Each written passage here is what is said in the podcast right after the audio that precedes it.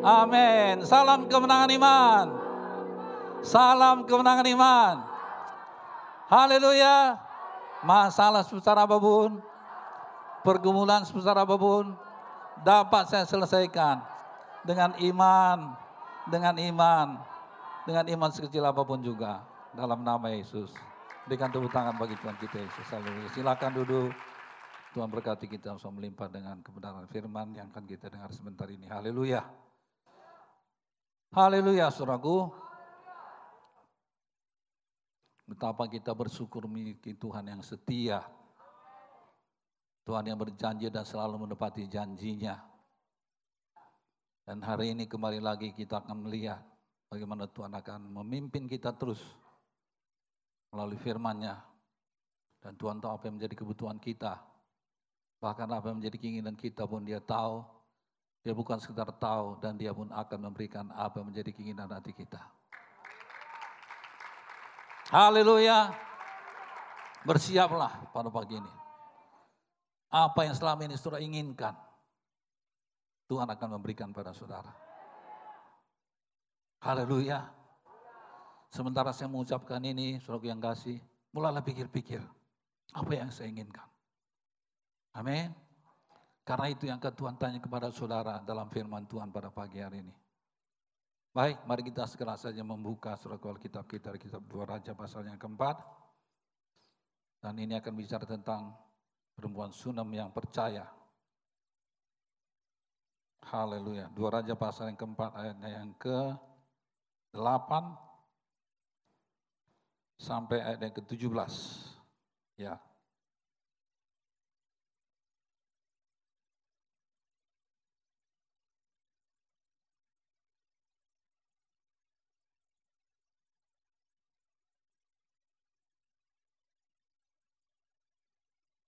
Baik, sebelum kita membaca bacaan kita ini, adakah di antara kita ini yang baru pertama kali datang beribadah di sini? Kalau ada, tolong angkat tangannya sebentar. Oh, puji Tuhan, selamat datang kawan, Tuhan berkati. Ada lagi yang lain? Puji Tuhan, selamat datang. Oh, puji Tuhan, selamat datang adikku, Tuhan berkati. Saya lihat cukup banyak ya, puji Tuhan. Kita berikan tepuk tangan bagi Tuhan. Ya, saya minta maaf kalau ada di pojok sekali, amin, karena tidak bisa lihat layar. Tapi daripada nggak bisa masuk sama sekali, amin. Jadi kita sudah tambah juga kapasitas gedung kita ini, kursi yang ada maksud saya, sehingga total yang hadir hari ini adalah sebanyak 380. Ya. Biarlah kasih dari Tuhan akan berlangsung, pandemi akan berlalu sehingga tempat ini kembali penuh seperti biasa. Kita sedang pikir apa kita akan laksanakan kebaktian lebih awal, jam 6 pagi atau jam 7 tetap seperti ini, atau juga akan tiga kali kebaktian. Doakanlah supaya yang terbaik Tuhan selalu berikan. Tapi kita percaya dalam segala perkara Tuhan turut campur untuk mendatangkan kebaikan bagi kita mengasihi dia. Setan mereka-reka perkara yang jahat tapi Tuhan membuahkannya menjadi kebaikan. Yang percaya itu katakan haleluya. Berikan tepuk tangan bagi Yesus Tuhan kita. Baik, saudaraku mari kita bangkit berdiri, kita akan membaca dengan bergantian. Saya rasa lebih bagus seperti sedia kala, saya sediakan membaca ayat yang genap, dan kemudian sudah membaca sama-sama yang ganjil mulai yang ke-9, nanti yang ke-17, kita akan secara bersama-sama membacanya. Ya. Dua Raja pasal yang keempat, ayat yang ke-8, demikianlah firman Tuhan. Pada suatu hari Elisa pergi ke Sunem. Di sana tinggal seorang perempuan kaya yang mengundang dia makan. Dan seberapa kali ia dalam perjalanan, singgahlah ia ke sana untuk makan.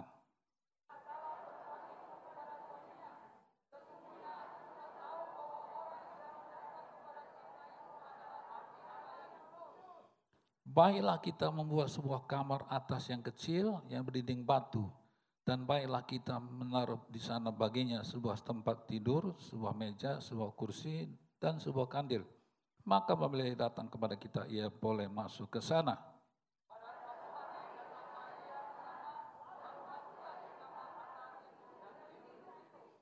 Kemudian berkatalah ia kepada Gehazi bujangnya, panggillah perempuan Sunam itu. Lalu dipanggilnya lah perempuan itu dan dia berdiri di depan Gehazi.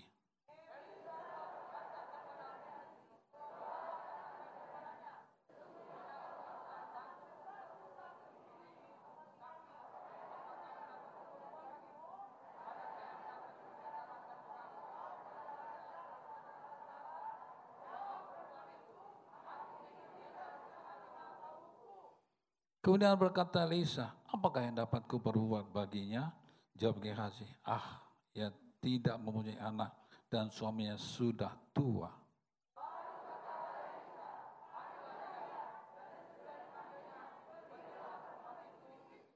Berkata Elisa pada waktu berkata Elisa pada waktu seperti ini juga tahun depan engkau akan menggendong seorang anak laki-laki.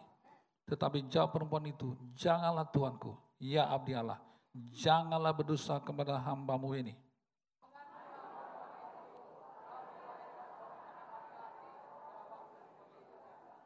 tahun berikutnya. Seperti yang dikatakan Elisa kepadanya. Katakan amin. Haleluya. Silakan duduk, letakkan kita saudara, berikanlah tepuk tangan yang meriah bagi Yesus Tuhan kita. Haleluya. Saya baca sekali lagi ayatnya yang ke-17 tadi dikatakan, mengandunglah perempuan itu lalu melahirkan seorang laki-laki pada waktu seperti itu juga pada tahun berikutnya seperti yang dikatakan Elisa kepadanya. Haleluya, saudaraku yang kasih. Sesuai dengan bacaan kita tadi, maka hari ini kita akan melihat dan akan mengalami. Katakan amin. Bahwa bukan saja masalah dan kebutuhan kita yang akan Tuhan penuhi. Tuhan akan selesaikan. Haleluya. Tapi keinginan kita pun akan Tuhan penuhi.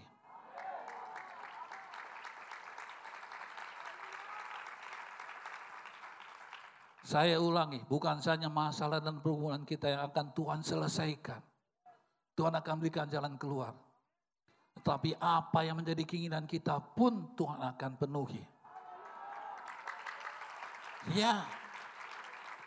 Dia bertanya kepada perempuan itu, apa yang ingin kau aku lakukan bagimu? Adakah sesuatu yang bisa kulakukan untukmu? Dia cari tahu apa keinginan pada wanita ini. Demikianlah pada pagi hari ini. Tuhan akan bertanya kepadamu, What can I do for you? Haleluya. Apa yang dapat aku lakukan untukmu? Bersiaplah untuk menjawabnya.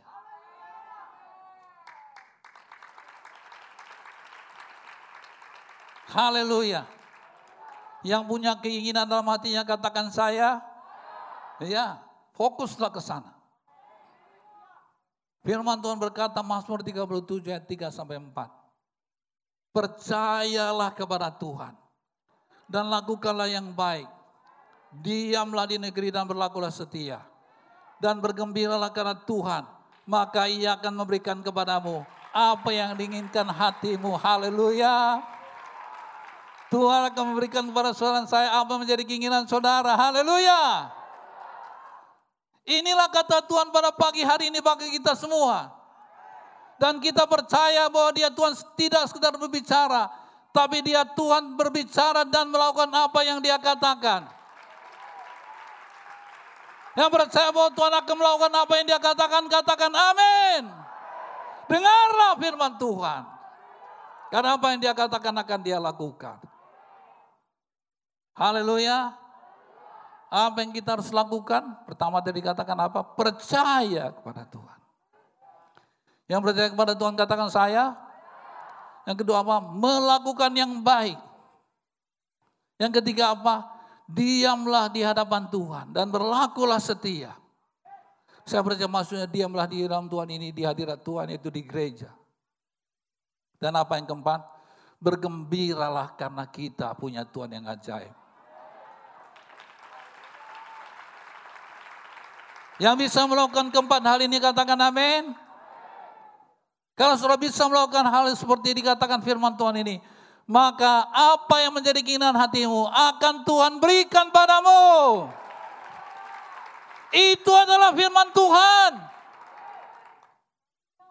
Haleluya. Tentu saja bukan saya yang ingin menyampaikan ini. Kalaupun saya ditanya pasti saya ingin juga. Tetapi inilah schedule kitab kita. Inilah serial kita. Berbagailah saudara mengikuti serial ini. Itu surat jemaat gereja kemenangan iman desa seluruh Jabodetabek. Yang akan mengalami apa yang Tuhan katakan pada pagi hari ini.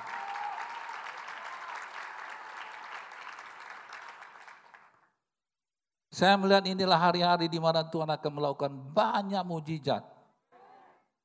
Dan kita diberikan kesempatan untuk mengalaminya. Coba saudara perhatikan judul perikop bacaan kita berikutnya minggu-minggu yang akan datang. Coba buka kitab saudara. Haleluya. Apa dikatakan di situ? Mau dalam kuali. Haleluya. Ini bicara mengenai apa saudara yang kasih? Racun maut yang mematikan ditahirkan. Haleluya. Selanjutnya apa saudara yang kasih? Memberi makan 100 orang. Dan ada sisanya.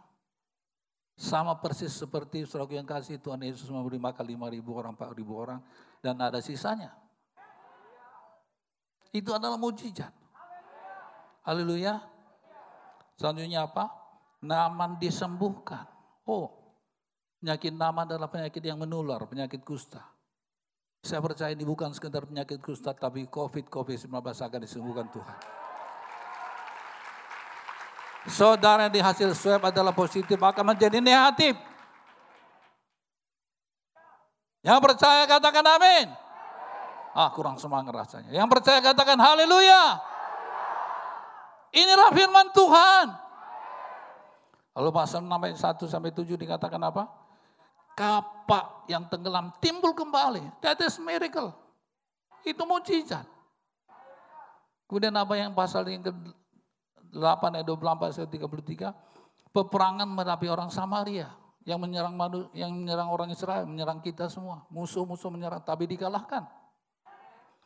Pasal 7 ayat 1 sampai 20. Saya tidak tahu tapi melalui 40 orang kusta, katakan amin. Israel menjarah seluruh harta Aram dengan demikian pemulihan atas ekonomi Israel terjadi. Saya percaya saudara lewat kondisi krisis ini pun pemulihan atas negara kita ekonomi Indonesia pun akan terjadi. Inilah firman Tuhan. Haleluya. Saudara siap? Saudara siap? Oleh karena itu mari seperti firman Tuhan minggu lalu. Mari kita bersemangat, bukan sekedar beriman, tapi bersungguh-sungguh mencarinya. Maka semua itu akan jadi dalam kehidupan kita. Rasul Paulus berkata, biarlah rohmu menyala-nyala dan layanilah Tuhan. Ini adalah momennya. Inilah waktu di mana Tuhan akan kembali menunjukkan kuasa dan mujizatnya dalam sidang Tuhan ini. Kita sudah mengalami mujizat begitu banyak, saudara. Kalau perkara materi sudah tidak terhitung lagi. Saudara saat sedang berada di tempat yang di mana mujizat Tuhan sudah dinyatakan Gunung Rem Indonesia. Haleluya. Dan Tuhan akan terus melakukan mujizatnya demi mujizatnya. Sehingga sungguh-sungguh banyak orang akan datang kepada Tuhan.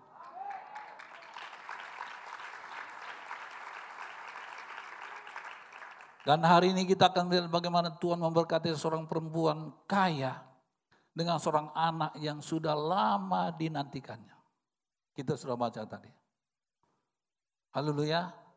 Yang sudah lama menantikan sesuatu, sesuatu dalam hidupnya katakan saya. Ya. Dan sesuai dengan kisah ini, bagi saudara yang sedang menantikan keturunan.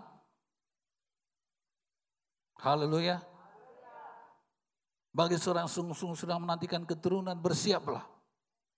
Tuhan akan bicara kepada saudara seperti Tuhan bicara kepada perempuan Sunem ini.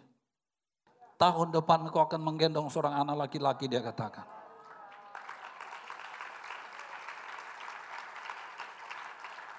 Ambil itu. Bukan sekedar percaya, tapi menyala-nyala. Tentu saja pertama masuk sesuai dengan apa yang dia katakan. Yaitu apa tadi? Seorang anak akan kau dapatkan tahun depan kau akan gendong di, di pangkuanmu. Sebelumnya dia tanya, apa menjadi kebutuhannya, apa menjadi keinginanmu? Haleluya. Oleh karena itu bagi saudara yang punya keinginan, bersiaplah. Sampaikanlah kepada Tuhan. Kalau saudara percaya sungguh-sungguh saudara akan mendapatkannya. Maka firman Tuhan berkata, sebagaimana imanmu akan jadi padamu.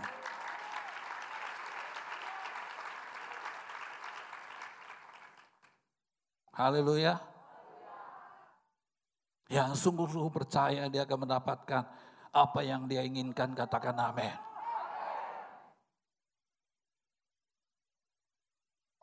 Ada dua pilihan. Tiga. Saudara kebaktian, sekedar kebaktian, memenuhi kewajiban. Ya, namanya orang Kristen harus kebaktian. Dan kemudian dengar firman menambah pengetahuan itu pilihan yang kedua. Atau yang ketiga, saudara datang kebaktian menambah, menambah pengetahuan dan iman. Dan mendapatkan apa yang Tuhan katakan. Saudara mau pilih yang mana? Saudara mau pilih yang mana? Sekedar datang kebaktian, menambah pengetahuan atau mendapatkan apa yang Tuhan katakan. Terserah pada saudara. Saya hanya hamba Tuhan yang menyampaikan apa yang harus saya sampaikan. Tapi semuanya tergantung kepada iman dan pengharapan saudara. Haleluya. Tapi yang pasti saya katakan pada saudara, Tuhan akan melakukan apa yang dia katakan. Dia tidak sekedar omdo. Yang sepakat Tuhan akan melakukan apa yang dia katakan, katakan amin. Pasti. Nah, suratku yang kasih, mari kita lebih jauh lagi. Kisah perempuan Sunam yang kaya ini mengandung tiga episode penting. Episode pertama adalah ayat 8 sampai 17. Tuhan memberkati wanita yang murah hati ini dengan memberi dia seorang anak yang sudah lama dinantikannya. Itu episode yang pertama, ayat 8 sampai 17. Episode yang kedua, ayat 18 sampai 21, Tuhan memperkenankan ia menghadapi ujian berat. Yaitu dengan membiarkan anaknya yang tadi hidup, diberikannya sebagai anugerah, mati. Episode yang ketiga, ayat 22 sampai 37. Tuhan menghidupkan kembali anaknya yang mati itu. Ketika ia berperkara dan memegang teguh janji Tuhan kepadanya. Haleluya. Inilah tiga episode penting dalam kehidupannya. Dan melaluinya kita akan memperoleh pengertian yang benar. Bagaimana kita menjalani kehidupan dan mengalami mujizat Tuhan. Yang ingin dan rindu mengalami mujizat Tuhan katakan amin. Dengarkan sungguh-sungguh ini. Inilah petunjuk. This is not just a story, but this is the way of life. Ini bukan sekedar sebuah cerita, tetapi inilah petunjuk kehidupan kita. Haleluya. Ayat yang 8a tadi, yang pertama kita masuk sekarang episode yang pertama. 8a dikatakan apa, saudaraku? Buat Tuhan apa? Saudaraku yang delapan, sorry. Pada suatu hari Elisa pergi ke Sunem, di sana tiga seorang perempuan kaya yang mengundang dia apa? Makan. Jadi wanita kaya ini mengundang dia apa? Makan, mungkin makan malam. Haleluya. Di mana? Di rumahnya. Lalu 8b dikatakan apa? Dan seberapa kali ia dalam perjalanan, singgahlah ia itu Elisa ke sana untuk apa? Makan. Nah, yang kasih, bahwa Elisa setiap kali dat, beberapa kali datang ke Sunom ini sehingga ke rumah perempuan ini untuk apa? Makan. Katakan amin. Pertama kita lihat di sini, haleluya, bahwa wanita atau ibu ini adalah orang yang murah hati. Yang mau belajar katakan amin. Inilah jalannya. Kenapa perempuan yang menantikan anak itu tidak mendapatkan apa yang dia inginkan. Inilah jalannya. Inilah yang dia perbuat, saudaraku. Haleluya. Dan ini dituliskan dalam Alkitab dengan satu tujuan. Supaya kalau kita melakukan apa yang mereka perbuat, kita pun akan mengalami apa yang mereka alami. Haleluya. Jadi yang pertama di sini kita melihat apa? Dia adalah seorang yang apa? Murah hati. Coba cek hati saudara. Haleluya.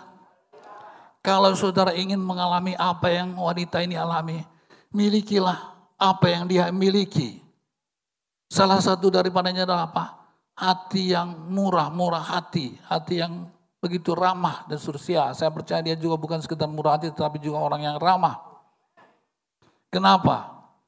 Karena saya stroke membaca stroke yang kasih ia selalu Beberapa kali Elisa datang ke kota itu, kota Sunem ini. Ia selalu singgah di rumahnya. Saya percaya seorang hamba Tuhan, apalagi sekelas Elisa, tidak akan mau singgah atau makan di rumah orang atau seseorang yang bukan atau orang yang tidak tulus hatinya. Yang setuju katakan amin. Iya. Jadi karena dia orang yang tulus hati, ramah, makanya Elisa mau singgah di sana. Demikianlah wanita ini melayani Elisa dengan segala ketulusan. Bahkan ia membuat sebuah kamar kecil, maksudnya serok yang kasih, yang spesial atau khusus buat Elisa di, di lantai dua rumahnya. Mari kita baca kembali yang tadi ayat 9 dan 10.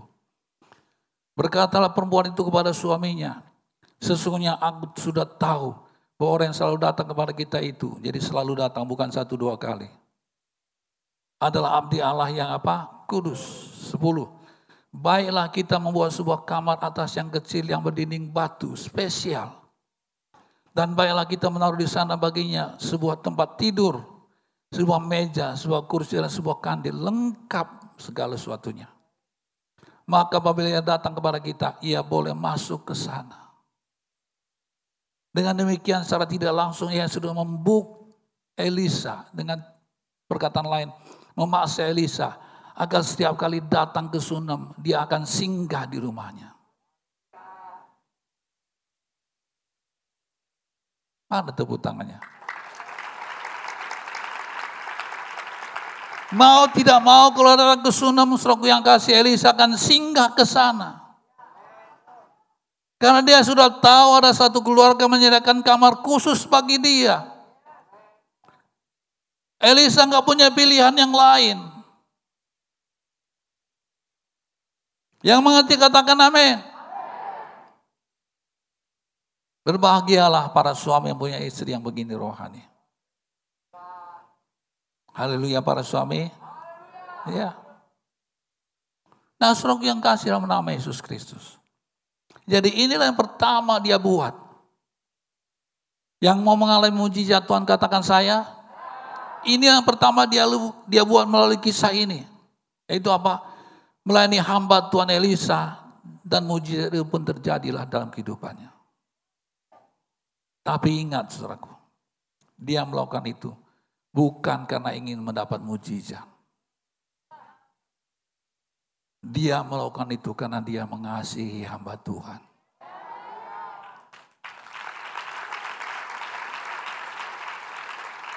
Inilah dia. Dia tidak melakukan itu dalam rangka untuk mendapatkan anak mujizat apa pun juga namanya. Dia melakukan itu semata-mata karena dia mengasihi hamba Tuhan Elisa. Tapi ternyata karena itu Tuhan melakukan mujizat dalam kehidupannya. Bagaimana saudara? Apakah ada keinginan saudara untuk melakukan hal yang sama?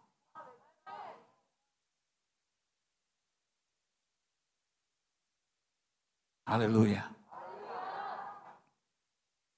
Bagaimana sobatku? Adakah dalam hatimu perasaan yang sama seperti yang dimiliki oleh perempuan ini? Haleluya. Melayani Elisa dalam hal ini sama dengan membantu atau menyediakan fasilitas sehingga memudahkan pelayanannya. Setuju? Ya, sehingga dia tidak lagi repot-repot, semua sudah tersedia, ada meja, ada kursi, tempat tidur, ada kandil. Dia bisa bersekutu dengan Tuhan, bisa menulis, bisa membaca, seterusnya di situ. Haleluya. Lalu karena kasih dan perbuatannya itu, Elisa ingin membalasnya dengan melakukan apa yang bisa dia lakukan untuk wanita ini. Ingat baik-baik. Seorang hamba Tuhan tidak pernah mau berhutang budi. Saudara lakukan sesuatu yang baik bagi dia, dia pasti minimal mendoakan saudara.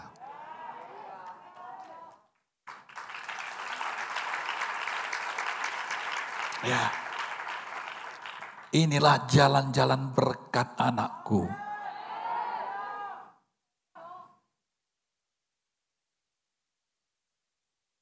Milikilah hati seperti perempuan ini. Apa kata Elisa? Ayat 11. Ya, gak usah. Pada suatu hari datanglah ia ke sana, lalu masuklah ia ke kamar atas itu dan tidur di situ. Ayat 12. Kemudian berkata ia kepada kekasih bujangnya, panggillah perempuan Sunam itu. Lalu dipanggilnya perempuan itu dan dia berdiri di depan kekasih. Ayat yang ke-13, sama-sama kita baca dua tiga ya. Elisa telah berkata kepada Gehazi, cobalah tanya kepadanya, sesungguhnya engkau telah sangat bersusah-susah seperti ini untuk kami. Apakah yang dapat kau berbuat bagimu? Adakah yang dapat kau bicarakan tentang kau kepada raja? Atau kepada kepala tentara? Jawab perempuan itu, aku tinggal di tengah-tengah sukaumku. Apa bisa kulakukan padamu? Adakah sesuatu yang perlu kubicarakan dengan raja? Aturan panglima TNI? Haleluya. Atau Menko Polhukam? Dengan Presiden Jokowi? Apa bisa kulakukan untukmu? Dari percakapan ini, haleluya, Dapatlah kita ketahui bahwa Elisa dekat dan punya pengaruh dalam raja dan kepala tentara. Memang demikianlah seharusnya saudaraku setiap hamba Tuhan. Setiap hamba Tuhan mestinya punya pengaruh terhadap pemerintah. Mestinya demikian.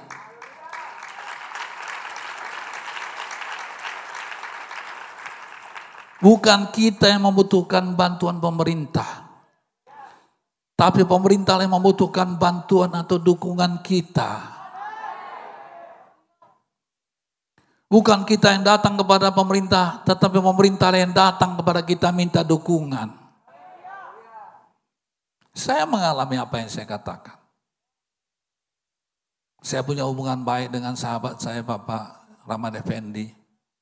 Coba tanya dia, pernahkah saya minta sesuatu kepada dia atau berharap sesuatu daripada dia? No. Dan mungkin kalau saya minta sesuatu dia mungkin memberikannya. Dan saya pasti juga minta, yang saya minta pasti tidak macam-macam, tidak neko-neko. Katakan amin. Tapi tidak. Tapi dia berkata, bagaimana Pak saya butuh dukungan Bapak ini. Bukan saja Pak Wali, Wakil, demikian sekda, demikian dengan camat, lurah, RT, RW. Mereka yang datang pada kita. Kenapa? Karena saya mengasihi mereka, saya juga menaruh hormat pada mereka. Sehingga mereka juga menaruh hormat pada saya. Saling menghormati.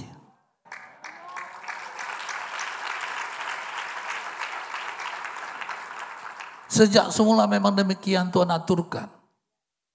Tuhan menempatkan hamba-hambanya minimal sejajar dengan pemerintah. Bahkan di masa perjanjian lama, Nabi hamba Tuhanlah yang melantik atau mengurapi raja. Dengan demikian menurut perjanjian lama, katakan amin. Hamba Tuhan itu di atas pemerintah, di atas raja. Apa kata Paulus? Coba lihat 1 Timotius pasal 4 yang ke-12. Jangan seorang pun menganggap engkau rendah. Saya ulang baca. Jangan seorang pun menganggap engkau rendah karena engkau muda. Jadilah teladan bagi orang-orang percaya dalam perkataanmu, dalam tingkah lakumu, dalam kasihmu, dalam kesetiaanmu, dan dalam kesucianmu.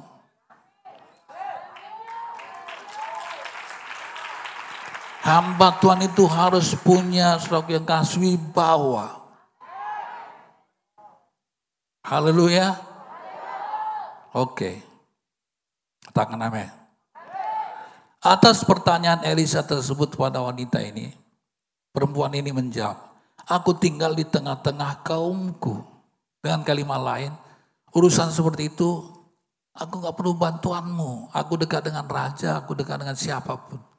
Iya, tadi fakta bahwa dia orang kaya, kita mengerti bahwa dia memang bisa punya hubungan baik dengan istana. Katakan amin. Jadi dia tidak punya masalah seperti itu. Katakan haleluya. Asrok yang kasih seperti minggu yang lalu memang seharusnya setiap anak Tuhan tidak punya masalah dalam bidang keuangan dan ekonomi. Setiap anak Tuhan mestinya punya berkat yang melimpah-limpah dalam perkara-perkara seperti itu.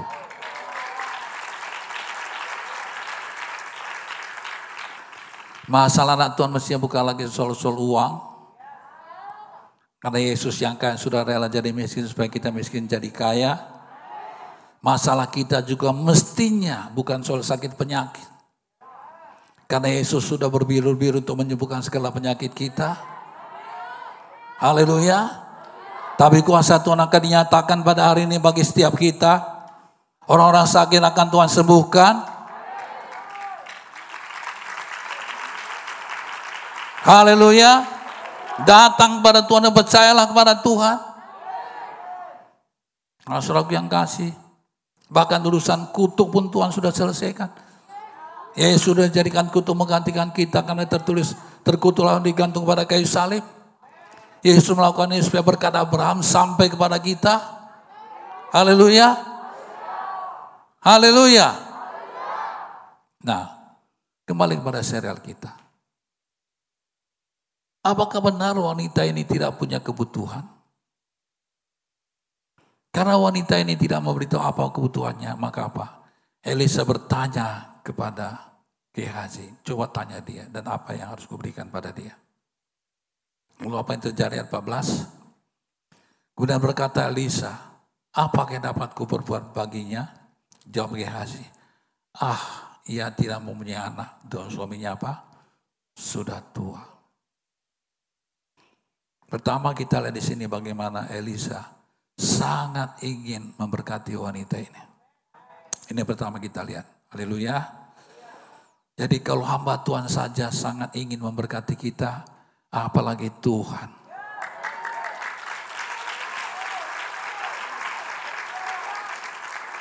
Tuhan sangat ingin memberkati engkau saudara. Haleluya. Dan ternyata dia punya kebutuhan yang sangat mendasar. Yaitu keluarga ini belum punya keturunan. Padahal suaminya sudah tua. Dari sini dapatlah kita ketahui bahwa setiap orang, siapa pun dia, pasti mempunyai satu kebutuhan yang tidak dapat dia penuhi sendiri. Siapa pun dia, pasti punya kebutuhan yang dia tidak dapat penuhi sendiri. Haleluya. Tidak seorang pun di dunia ini yang memiliki segalanya. Tapi di dalam Tuhan kita bisa menikmati segalanya.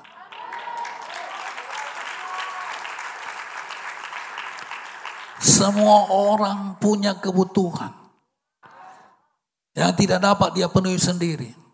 Semua orang. Orang tua, orang muda, orang kaya, apalagi orang miskin. Orang sehat, apalagi orang sakit. Haleluya.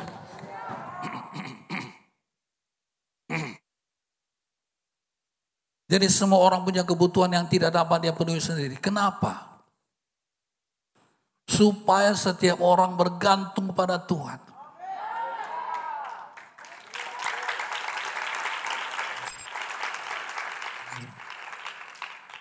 Kalau manusia ini bisa memenuhi semua kebutuhannya, maka dia tidak butuh Tuhan. Dia tidak akan datang pada Tuhan. Tapi demikianlah Tuhan membuat manusia sehebat apa pun dia. Dia tetap punya satu kebutuhan yang dia sendiri tidak bisa penuhi. There is something empty in their heart, in their life ada sesuatu yang kosong dalam kehidupannya. Yang dia sendiri tidak bisa isi. Haleluya. Tapi sekali lagi, di dalam Tuhan, kita bisa menikmati segala-galanya.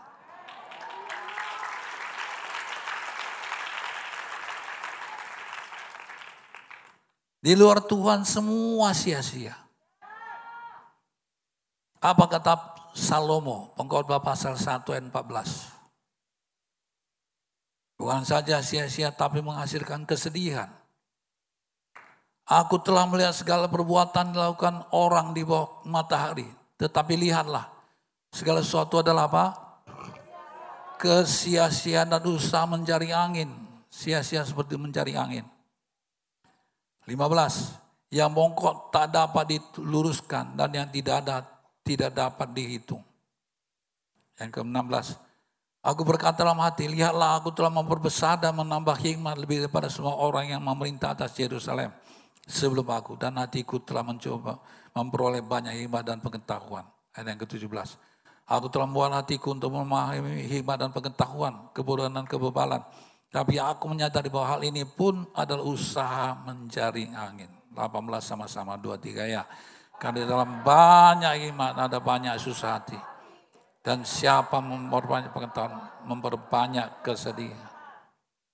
Apa yang kurang pada Salomo?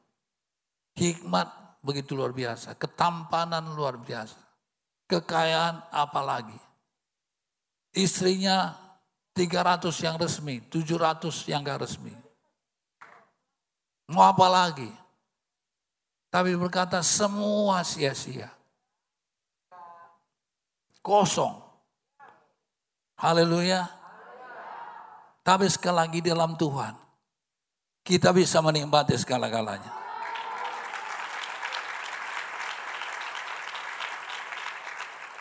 Haleluya. Kembali kepada kisah kita tadi. Lalu berkatalah Elisa. Nah, kita teruskan ikuti. Panggillah dia, panggillah wanita itu. Dan sesudah dipanggilnya, berdirilah perempuan itu di pintu. Dialah sopannya, tidak masuk kamar tapi di pintu saja. Ayat 16. Berkata Elisa, pada waktu seperti ini juga tahun depan, engkau ini akan menggendong seorang anak laki-laki.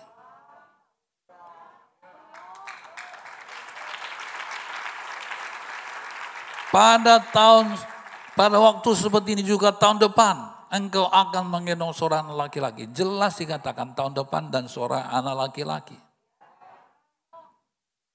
Tetapi jawab perempuan itu, janganlah Tuanku ya abdi Allah. Janganlah berdusta kepada hambamu ini. Haleluya. Apa yang kau inginkan? Pertanyaan sama Tuhan ajukan padamu saat ini. Kau berkata uang aku punya, kesehatan aku tidak ada masalah.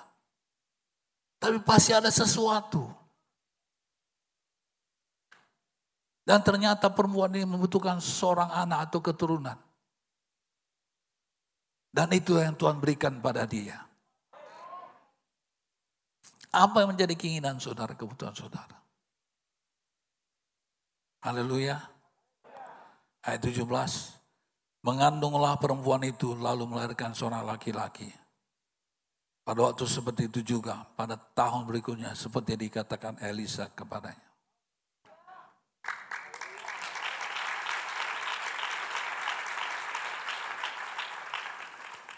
Dari sini dapatlah kita ketahui bahwa Tuhan memperhatikan segala kebutuhan kita umatnya. Dan kita melihat betapa dahsyatnya Tuhan meneguhkan perkataan hambanya yaitu Nabi Elisa ini. Alkitab mengatakan bahwa dia Tuhan tetap sama dulu sekarang dan sampai selama-lamanya.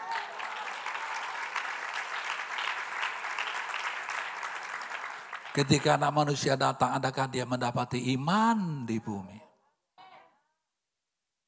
Ketika membaca ini, suatu yang kasih, saya ingat pada hamba Tuhan, Debbie Joshua. Bukan karena saya punya hubungan yang baik dengan dia. Tapi memang sampai sekarang saya belum pernah melihat ada batuan spektakuler itu Tuhan pakai. Sampai hari ini. It's okay Benny Hinn, saya juga punya hubungan. Karena pernah jadi panitia. Dan sering sekali duduk bersama.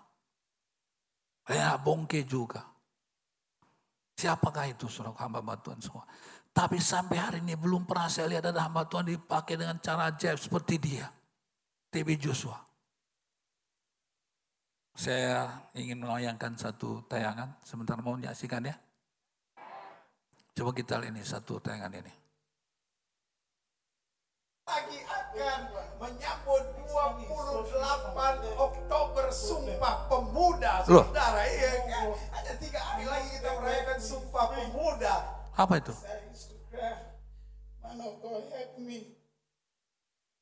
Oh, Sumpah Pemuda.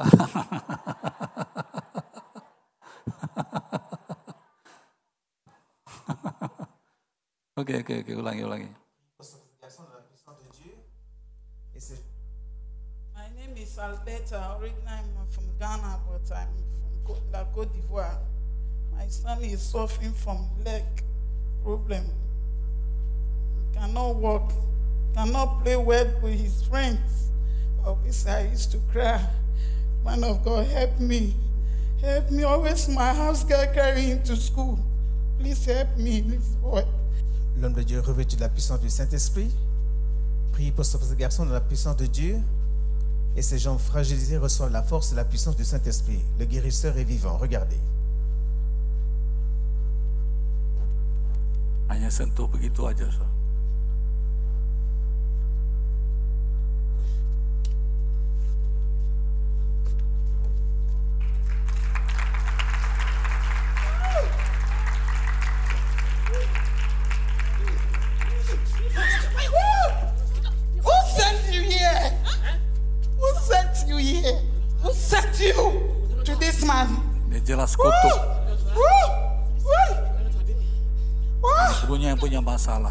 Who sent you here Anaknya menang to this man?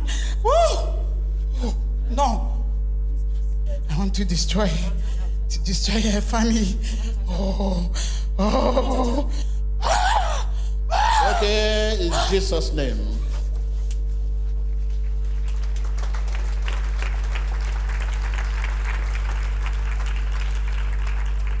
Okay, you can remove this thing from. Without that, this boy will not work. Este Thank you, pequeño, Jesus. I'm delivered. este I'm pequeño, delivered. Woo! Woo! Woo! este pequeño con deformidad. My son is free. My family is free. Oh, thank you. Thank you. I'm free. I'm free. Oh, thank you, Jesus. My family is free. I always be crying out because of this boy. Woo! Thank you, Jesus. I always be crying because of this boy.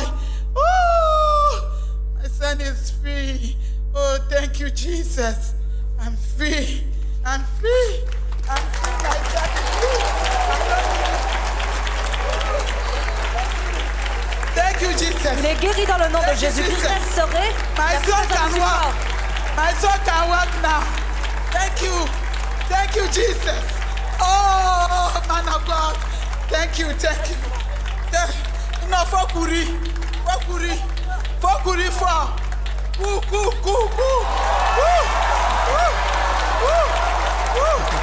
thank you jesus. Thank you jesus. Thank you jesus. After enoch was miraculously healed he was able to engage in everyday okay okay okay okay. To go to go to go.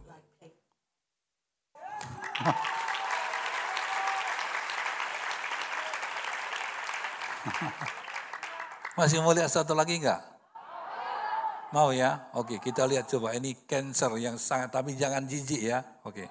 So next, yang kedua coba.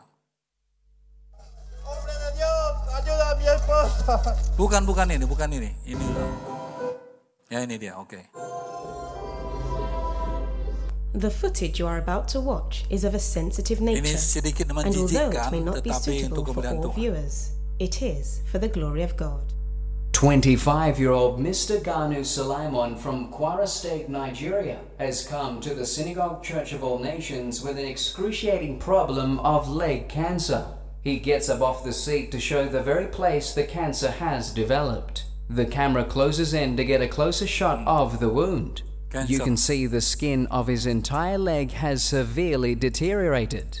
Flaky and dead skin, symptoms of the cancerous infection that has enveloped his right leg. This condition has gone beyond the power of nature, that no medical technology or medicines can solve this man's problem. It can only be treated, but it cannot be healed. This problem has become a curse. And who can remove the curse? It is none other than Jesus Christ. 1 Peter chapter 2 verse 24 to 25 says, He bore our sins in his body on a tree, so that we might die to sins and live for righteousness. By his wounds we are healed. Dapat Mr. Ganu sembuh. Salaimon waits in faith at the Synagogue Church of All Nations prayer line. believing that Jesus Christ is the same yesterday, today, and forever, Amen. and that just an encounter with Him through His servant prophet TB Joshua will bring perfect healing in Jesus' name. Prophet TB Joshua has arrived to the prayer line as an ambassador of Christ, sending God's appeal through him that Jesus Christ is the master healer and that he heals for the salvation of their souls. In the mighty name of Jesus Christ. The pus and poisonous substances that were compressed under the skin instantly begins to gush out of his leg and pours on the ground. Hmm. What is happening to Mr. Suleiman? Hmm. This is beyond human comprehension. This confirms what Apostle Paul says in 1 Corinthians chapter 2 verse 4. My message and my preaching were not with wise and persuasive words, so that your faith might not rest on human wisdom, but on God's power. The woman rolling on the ground is Mr. Ganu Sulaiman's mother, jubilating at what Jesus Christ has done for her son. Mr. Ganu Sulaiman begins to walk in the light of his testimony, You are free. testifying that the pain has gone. Hallelujah. Look at the boy. Oh, the boy is not walking. Walking majestically. Shall we put our hands together for the Lord Jesus? To God be the glory. Mr. Ganu Sulaiman is completely healed after receiving prayer from Prophet TB Joshua in Jesus' name. Amen.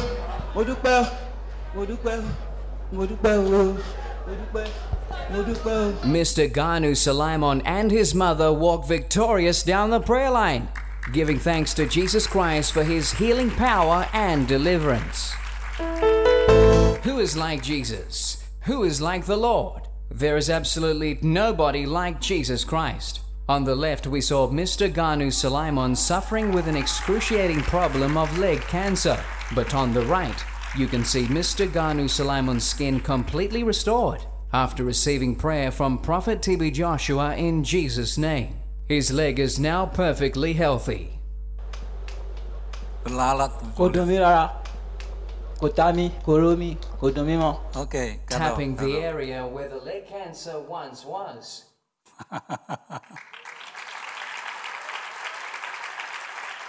Wow, luar biasa. Dia adalah Yesus Tuhan kita. Yesus yang melakukan itu. Silakan saudara buka di YouTube Miracle of TB Joshua. Begitu banyak saudara. Sampai kadang-kadang kita jijik melihatnya. Tapi memang begitulah kenyataannya. Berikan tepuk tangan yang meriah bagi Yesus Tuhan kita. Kita masuk episode yang kedua. Haleluya. Tuhan kan tolong saya waktu ini. Katakan amin. Nah, saudaraku yang kasih nama Yesus Kristus, inilah episode yang kedua yaitu di mana Tuhan memperkenankan wanita ini memperoleh ujian, eh, mengalami ujian yang berat sekali. Yaitu apa? Tuhan membiarkan anaknya itu mati. Nah, saudaraku yang kasih, nah kita semua sudah mengetahui dan kita sudah sepakat bahwa bukan Tuhan yang membunuh, tetapi ia hanya memperkenankan iblis melakukannya. Yang setuju dengan itu katakan amin. Kita tidak akan selalu tahu alasannya mengapa Tuhan memperkenankan satu pencobaan terjadi. Tapi kita tahu pasti bahwa segala sesuatu hanya boleh terjadi kalau Tuhan memperkenankannya. Dan kalau Tuhan memperkenankan pencobaan itu, maka itu semua akan mendatangkan kebaikan bagi kita mengasihi dia.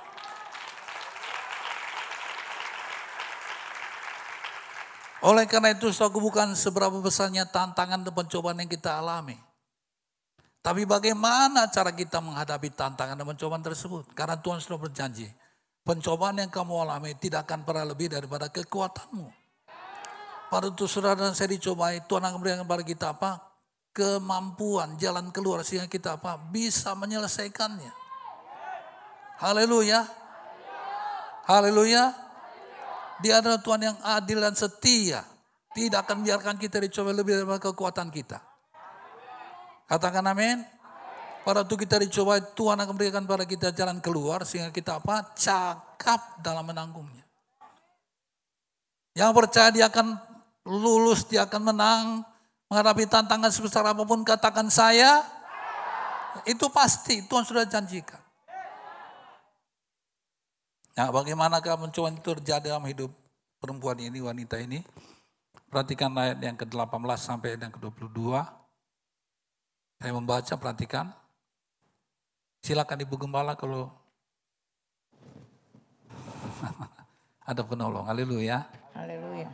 Ya. Ayat 18, setelah anak itu menjadi besar, pada suatu hari keluarlah ia mendapatkan ayahnya di antara penyabit-penyabit gandum. Tiba-tiba menjeritlah ia kepada ayahnya, aduh kepalaku, kepalaku. Lalu kata ayahnya kepada seorang bujang, angkatlah dia dan bawa kepada ibunya. Diangkatnya lah dia, dibawanya pulang kepada ibunya. Duduklah dia di pangkuan ibunya sampai tengah hari. Tetapi sesudah itu matilah dia. Wow, itu satu pencobaan yang besar, bukan? Betul. Anak dapat begitu rupa tiba-tiba mati. Oke, kalau apa yang terbuat, apa yang dia perbuat silakan. Ayat 21. Lalu naiklah perempuan itu, dibaringkannya lah dia di atas tempat tidur abdi Allah itu. Ditutupnya lah pintu dan pintu dan pergi dan ditutupnya lah pintu dan pergi sehingga anak itu saja di dalam kamar. Sesudah itu ia memanggil suaminya serta berkata, suruh kepadaku salah seorang bujang dengan membawa seekor keledai betina. Aku mau pergi dengan segera kepada abdi Allah itu dan aku dan akan terus pulang. Ya, saudara bagaimana reaksi dan sikap atau tindakan wanita ini? Yang pertama kita lihat sini bahwa ia apa? Tidak beritahu pada suaminya bahwa anak itu sudah mati. Ini adalah wanita bijaksana. Haleluya. Dia tidak mencerit-cerit, aku, anakku, anakku, macam mana ya anakku. Enggak, dia tenang aja. Ini wanita hebat. Haleluya kaum wanita. Jadilah seperti wanita Sunem ini. Dia tidak beritahu kepada suaminya kenapa. Karena ia tahu bahwa suaminya tidak akan bisa berbuat apa-apa. Buktinya tadi apa? Waktu anaknya masih sakit, sakit kepalanya dia katakan apa? Bawa kepada ibunya, bawa kepada ibunya.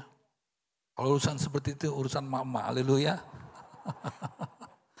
Jadi percuma, dia tahu itu. Haleluya kaum wanita. Tuhan memberkati semua wanita-wanita ada di sini. Ikan juga seluruh pemirsa di mana sudah berada. Be a wise. Haleluya. Nah, saudara yang kasih. Yang kedua, saudara, wanita ini tahu apa yang harus dia perbuat. Yaitu apa? Datang kepada Tuhan itu kepada hamba Tuhan Nabi Elisa. Ia bukan sekedar datang, tapi datang dengan iman. Ya, dari sikap dan tindakannya, kita tahu bahwa dia sangat beriman dan percaya bahwa Tuhan pasti menolong dia. Maka dia katakan apa? Tenang saja aku akan pulang. Haleluya. Haleluya. Dia tahu apa yang dia lakukan. Nah minggu yang lalu kita sudah dengar bagaimana ketika orang raja itu punya masalah dan Yoram berkata ini gara-gara Tuhan. Tapi Yosafat berkata apa? Ayo kita cari hamba Tuhan tanya petunjuknya apa. Ketika saudara punya masalah, apa yang saudara lakukan saudara? Tapi wanita ini tahu apa yang dia harus dia lakukan itu apa? Datang pada Tuhan. Minta petunjuk Tuhan. Kalau ada yang salah seperti minggu lalu, bertobatlah. Akuilah kesalahan saudara. Berubahlah. Pasti ada berkat di dalamnya. Pasti ada jalan keluar. Pasti ada pertolongan bagi saudara. Haleluya. Bukan seperti Joram yang serta-merta menyalahkan Tuhan. Ini gara-gara Tuhan ini. Dia menuduh Tuhan tidak mengasihi dia. Haleluya. Nah saudaraku yang kasih.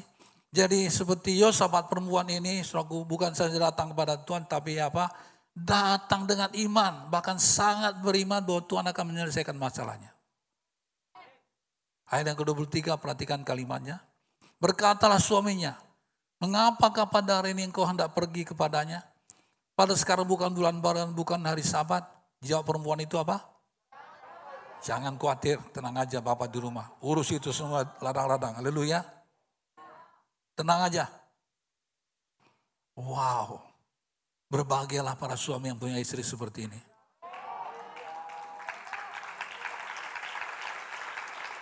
Bisa enggak ibunya nangis, anakku, anakku. Pergi kau sana papa, pergi cari Nabi tadi, cari panggil dia, panggil dia cepat, anakku, anakku. Bisa enggak? Tapi ini enggak. Taruhnya di kamar, tutupnya pintu. Suaminya mau ke mana? Tenang aja. Anak tepuk tangannya. Jadilah wanita seperti itu mama. Engkau adalah penolong bagi suamimu. Jangan justru engkau yang membuat jadi rusuh semua. Berbahagialah para suami yang punya istri seperti itu. Haleluya. Nah, yang kasih dalam nama Yesus Kristus. Kenapa ya begitu beriman? Karena ia mengenal Tuhan dengan benar. Mazmur 9 ayat 11 dikatakan, orang yang mengenal namaku percaya kepadaku. Sebab tidak aku tinggalkan orang mencari engkau, ya Tuhan. Orang yang mengenal namamu percaya kepadamu. Sebab tidak kau tinggalkan orang mencari engkau, ya Tuhan.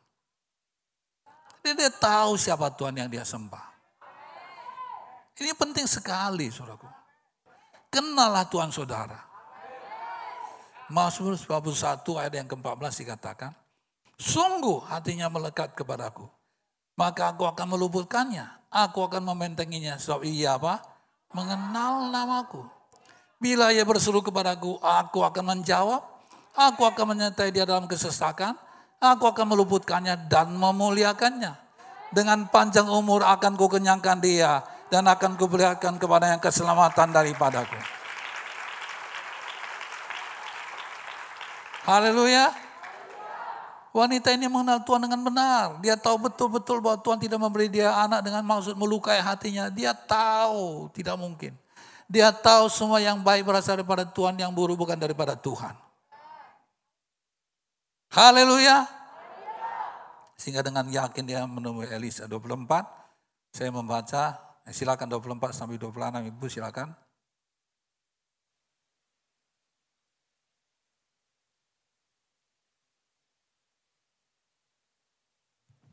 Silakan, hidupkan bisa? Bisa. Dipelanainya lah keledai itu dan berkatalah ia kepada bujangnya, tuntunlah dan majulah, jangan tahan-tahan aku dalam perjalananku, kecuali apabila aku katakan kepadamu. Hmm. Demikianlah perempuan itu berangkat dan pergi kepada abdi Allah di Gunung Karmel. Segera sesudah abdi Allah melihat dia dari jauh, berkatalah ia kepada Gehazi bujangnya, lihat perempuan Sunem itu datang Larilah menyongsongnya dan katakanlah kepadanya, Selamatkah engkau? Selamatkah suamimu? Selamatkah anak itu? Jawab perempuan itu, selamat. Apa wow. kata perempuan itu? Selamat. Wow.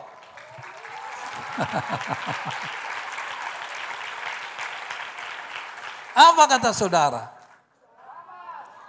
Apa kata saudara ketika saudara punya masalah?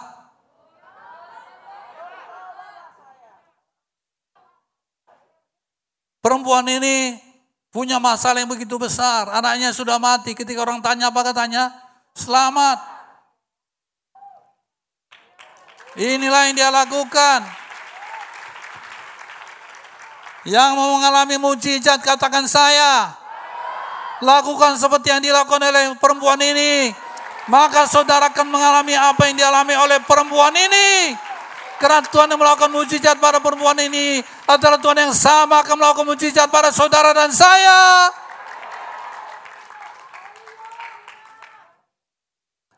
Saudara tadi perhatikan apa yang dikatakan, diucapkannya waktu berangkat dari rumah. Haleluya. Dia berkata, jangan khawatir. Wow. Haleluya. Tuhan sangat memperhatikan ucapan kita. Di perjanjian baru Tuhan pernah menyembuhkan mata dua orang buta. Dulu ya. Apa katanya? Percayakah kamu bila aku bahwa aku dapat melakukannya? Mereka berkata apa? Aku percaya, kami percaya. Lalu Yesus menjawab mata mereka sambil berkata, jadilah kepadamu seperti iman. Jadi Tuhan perhatikan iman dan ucapan kita. Saudara tidak bisa berkata, saya beriman tapi tidak mengucapkan hal yang baik. Haleluya. Perkataan itu muncul dari hati. Hati dan mulut tidak mungkin bisa berbeda. Kalau hati saudara percaya, maka mulut saudara akan mengucapkan perkataan yang menang. Haleluya. Oleh karena itu, saudara yang kasih perhatikanlah kata-kata saudara. Apa kata saudara tentang kehidupan saudara? Haleluya. Tapi perempuan ini kondisinya begitu parah, dia tetap mengucapkan perkataan iman. Perkataan yang menang.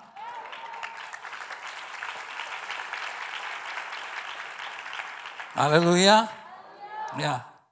Saudaraku yang kasih, perkataan kita menentukan hidup mati kita. Amsal 18, 21 dikatakan, hidup dan mati dikuasai lidah. Siapa suka menggemakannya akan memakan buahnya. Bahkan keselamatan jiwa kita pun ditentukan oleh ucapan kita. Ya, tergantung ucapan kita. Coba Roma pasal 10 ayat yang ke-19. Roma 10 ayat 19. Karena dengan hati orang percaya dan dibenarkan. Dan dengan mulut orang mengaku dan apa? Diselamatkan. Betul? Aja salah ya.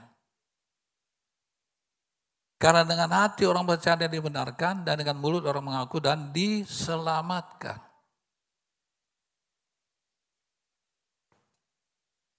Roma 10 ayat 10 ya, sorry. Haleluya. Ayat yang ke Matius pasal 12 ayat 37. Jadi hati-hati ucapan saudara. Matius 12 37. Karena menurut ucapanmu engkau akan dibenarkan, dan menurut ucapanmu pula engkau akan dihukum. Jadi ucapkan terus perkataan menang. Ucapkan terus perkataan yang positif. Ucapkan terus perkataan firman. Apa kata firman itu sajalah ucapkan. Haleluya. Apa pun yang terjadi ucapkan saja apa kata firman. Selesai. Karena firman Tuhan pasti benar. Firman Tuhan pasti jadi. Jadi apa pun kondisi saudara ucapkan saja firman Tuhan. Dan percayalah firman Tuhan pasti akan digenapi. Apa pun, katakan apa pun, bagaimanapun keadaan saya, saya akan tetap mengucapkan firman, memegang firman, karena firman Tuhan pasti terjadi. Entah apa pun itu. Haleluya. Pegang saja firman Tuhan, ucapkan saja firman Tuhan, maka itu akan jadi. Firman yang keluar dari mulutku tidak akan kembali dengan sia-sia kata Tuhan. Haleluya. Lalu apa yang terjadi atas kasus perempuan ini? Kita lanjutkan. Ayat 27.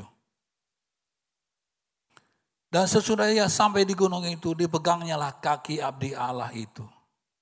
Tetapi Gehazi mendekat hendak mengusir dia. Lalu berkatalah abdi Allah yaitu Elisa, biarkanlah dia, hatinya pedih. Tuhan menyembunyikan hal ini daripadaku. Tidak memberitahukannya kepadaku. Berarti, haleluya, selama ini Tuhan selalu memberitahu kepada Elisa apa pun yang akan dia kerjakan. Karena kita Amos pasal 3 dan ke-7 berkata, Tuhan tidak akan berbuat sesuatu tanpa menyatakan keputusannya kepada hambanya para nabi. Haleluya. Haleluya. Nah, yang kasih, jadi dia katakan Tuhan sembunyikan, biarkan di hatinya sangat pedih. Ayat 28. Lalu berkatalah perempuan itu, adakah ku minta seorang laki-laki daripada tuanku? Bukankah telah kukatakan jangan aku diberi harapan kosong? Inilah kuncinya. Dia berperkara dengan Tuhan. Adakah ku minta seorang anak daripadamu? Bukankah aku sudah katakan jangan berikan aku harapan kosong?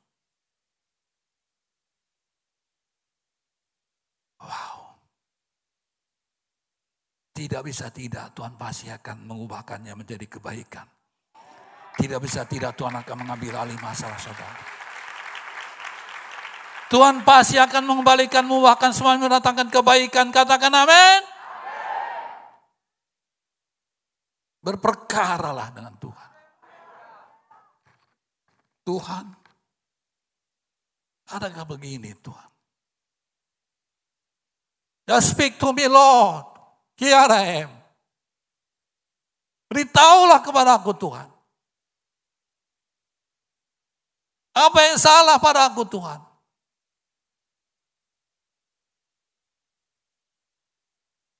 Hizkia melakukannya.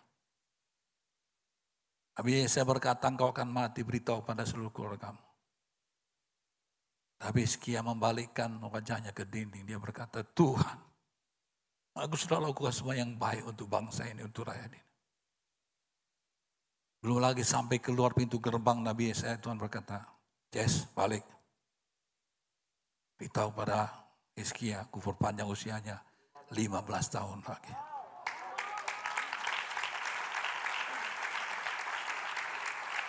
Mari berperkara dengan Tuhan. Berani?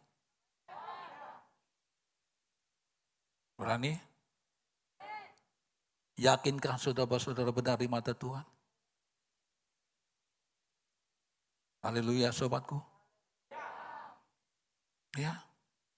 Bereskan semua. Kita Roma pasal 323 berkata, semua manusia telah apa? Berbuat dosa. Dan oleh kasih karunia dibenarkan dengan cuma-cuma karena penebusan oleh darah Kristus Yesus. Akui dosa saudara. Haleluya. Berperkara dengan Tuhan. Berikan alasannya. Kita sudah dengan firman kita sudah mengerti. Kunci jawaban doa bukan terletak pada cara atau berapa lama kita berdoa. Kunci jawaban doa terletak kepada apa? Tujuan daripada doa tersebut. Kalau tujuannya, alasannya benar, apa pun yang sudah minta Tuhan pasti beri.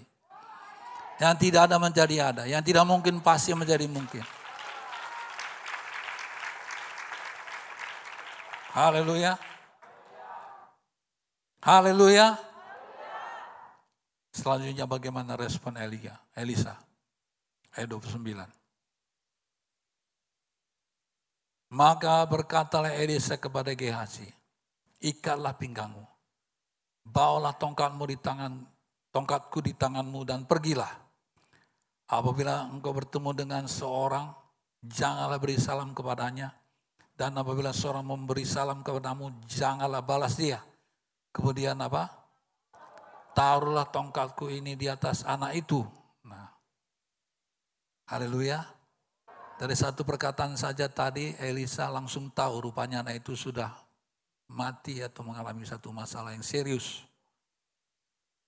Tapi dia tidak tahu persisnya, tapi pasti ada masalah yang berat. Tapi berkata apa? Gihasi, pergi, taruh tongkat ini di atas badan anak itu. Tapi perempuan ini nggak mau. Dia tetap ngotot harus Elisa yang datang. Seberapakah besarnya tekadmu untuk mendatangkan kuasa Tuhan.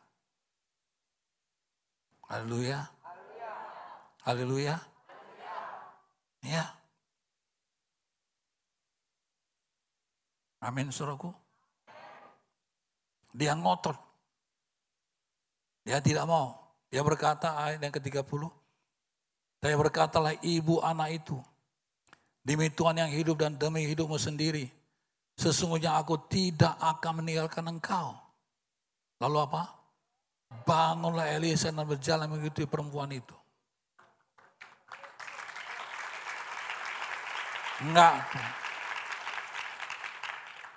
Satu kali seorang perempuan asing datang menemui Yesus. Tuhan tolonglah anakku sakit. Tuhan diam saja. Tuhan tolonglah.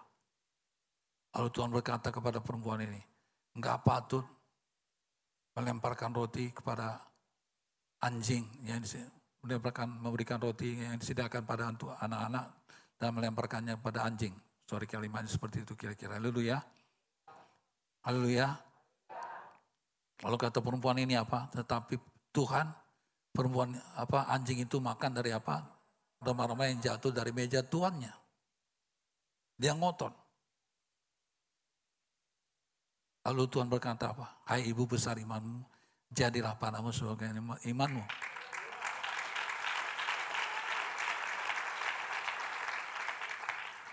Demi Tuhan yang hidup dan demi hidupmu sendiri, sungguhnya aku tidak akan meninggalkan engkau.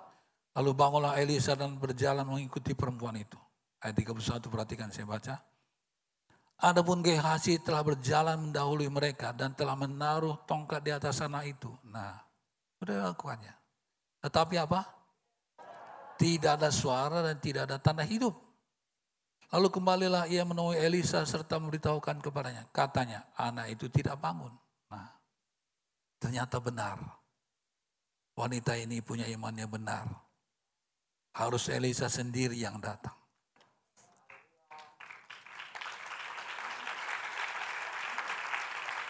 Haleluya. Jadi saudaraku, haleluya. Jadi saudaraku dibutuhkan juga keteguhan hati, ketetapan hati dan tidak mau mundur. Sampai di mana? Saudara berdoa dan berdoa sampai di mana saudara akan berdoa? Saya sudah ajarkan pada saudara berdoa bukan sampai tujuh kali, tapi berdoa sampai apa? Tuhan menjawab doa. Dan jawaban Tuhan bisa dua, ya atau tidak. Kalaupun tidak itu pasti yang terbaik. Pasti yang lebih baik Tuhan berikan bagi saudara. Yang pasti, katakan yang pasti, Berdoalah sampai Tuhan memberikan jawabannya. Kalau Tuhan berkata tidak pun surat tetap ngotot itu namanya suraku bandel. Itu namanya keras kepala. Tapi tidak, kalau Tuhan berkata tidak, it's okay God. Berarti ada yang lain lebih baik. Puji Tuhan. Haleluya. Tetaplah bersuka cita dan mengucap syukur dalam segala perkara.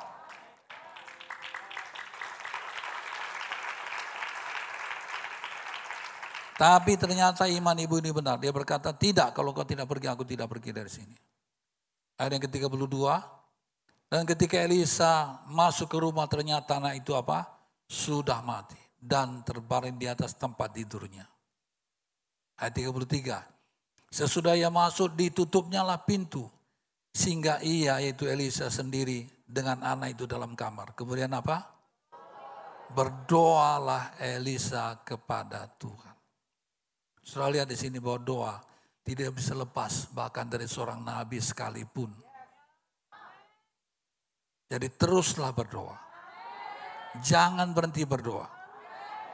Rasul Paulus berkata satu Tesalonika pasal 5 dan ke-17 apa?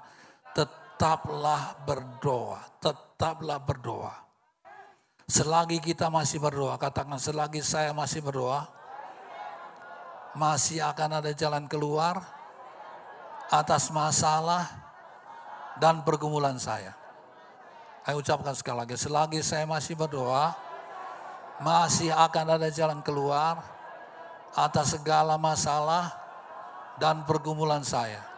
Oleh karena itu, saya tidak akan berhenti berdoa sampai Tuhan memberikan jawaban atas doa saya.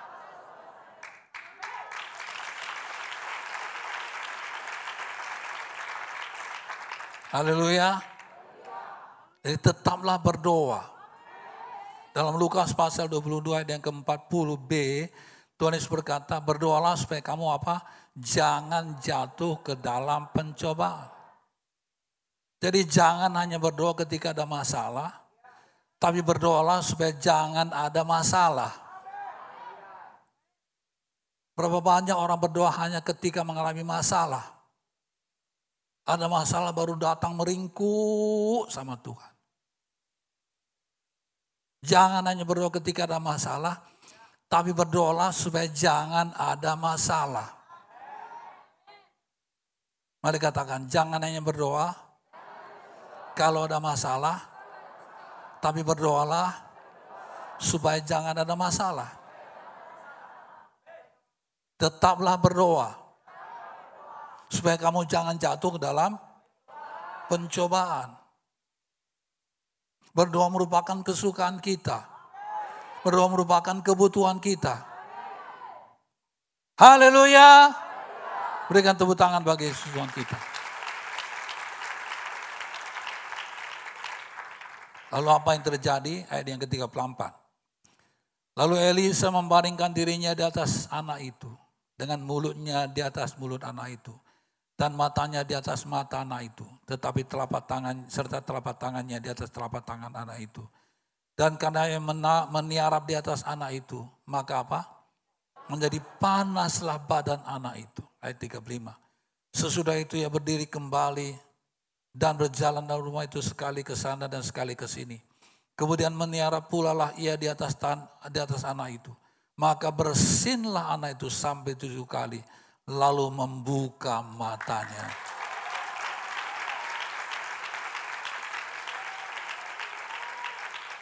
Haleluya. Ketika Elisa berdoa begitu rupa, Tuhan berikan kepada dia petunjuk Ketika saudara berdoa, Tuhan berikan kepada saudara ide. Ketika saudara berdoa dengan kepada Tuhan dalam berbahasa, saudara, mengerti apa yang harus saudara lakukan. Ketika saudara berdoa kepada Tuhan, bersekutu dengan Tuhan, saudara mengerti betul-betul dan tahu betul-betul apa yang harus lakukan dan bagaimana cara melakukannya. Dan ketika saudara melakukannya, maka pada waktu itulah saudara mendapatkan jalan keluar dan kemenangan yang girang gemilang.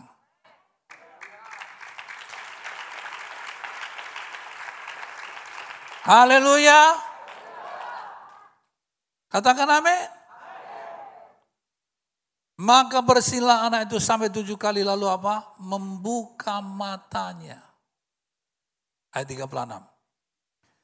Kemudian Elisa memanggil Gehazi dan berkata, panggillah perempuan Sunam itu. Dipanggilnya lah dia, lalu datanglah ia kepadanya. Maka berkatalah Elisa, angkatlah anakmu ini. Maka masuklah perempuan itu lalu tersungkur di depan kaki Elisa. Dan sujud menyembah dengan mukanya sampai ke tanah. Kemudian diangkatnya lah anak itu lalu keluar.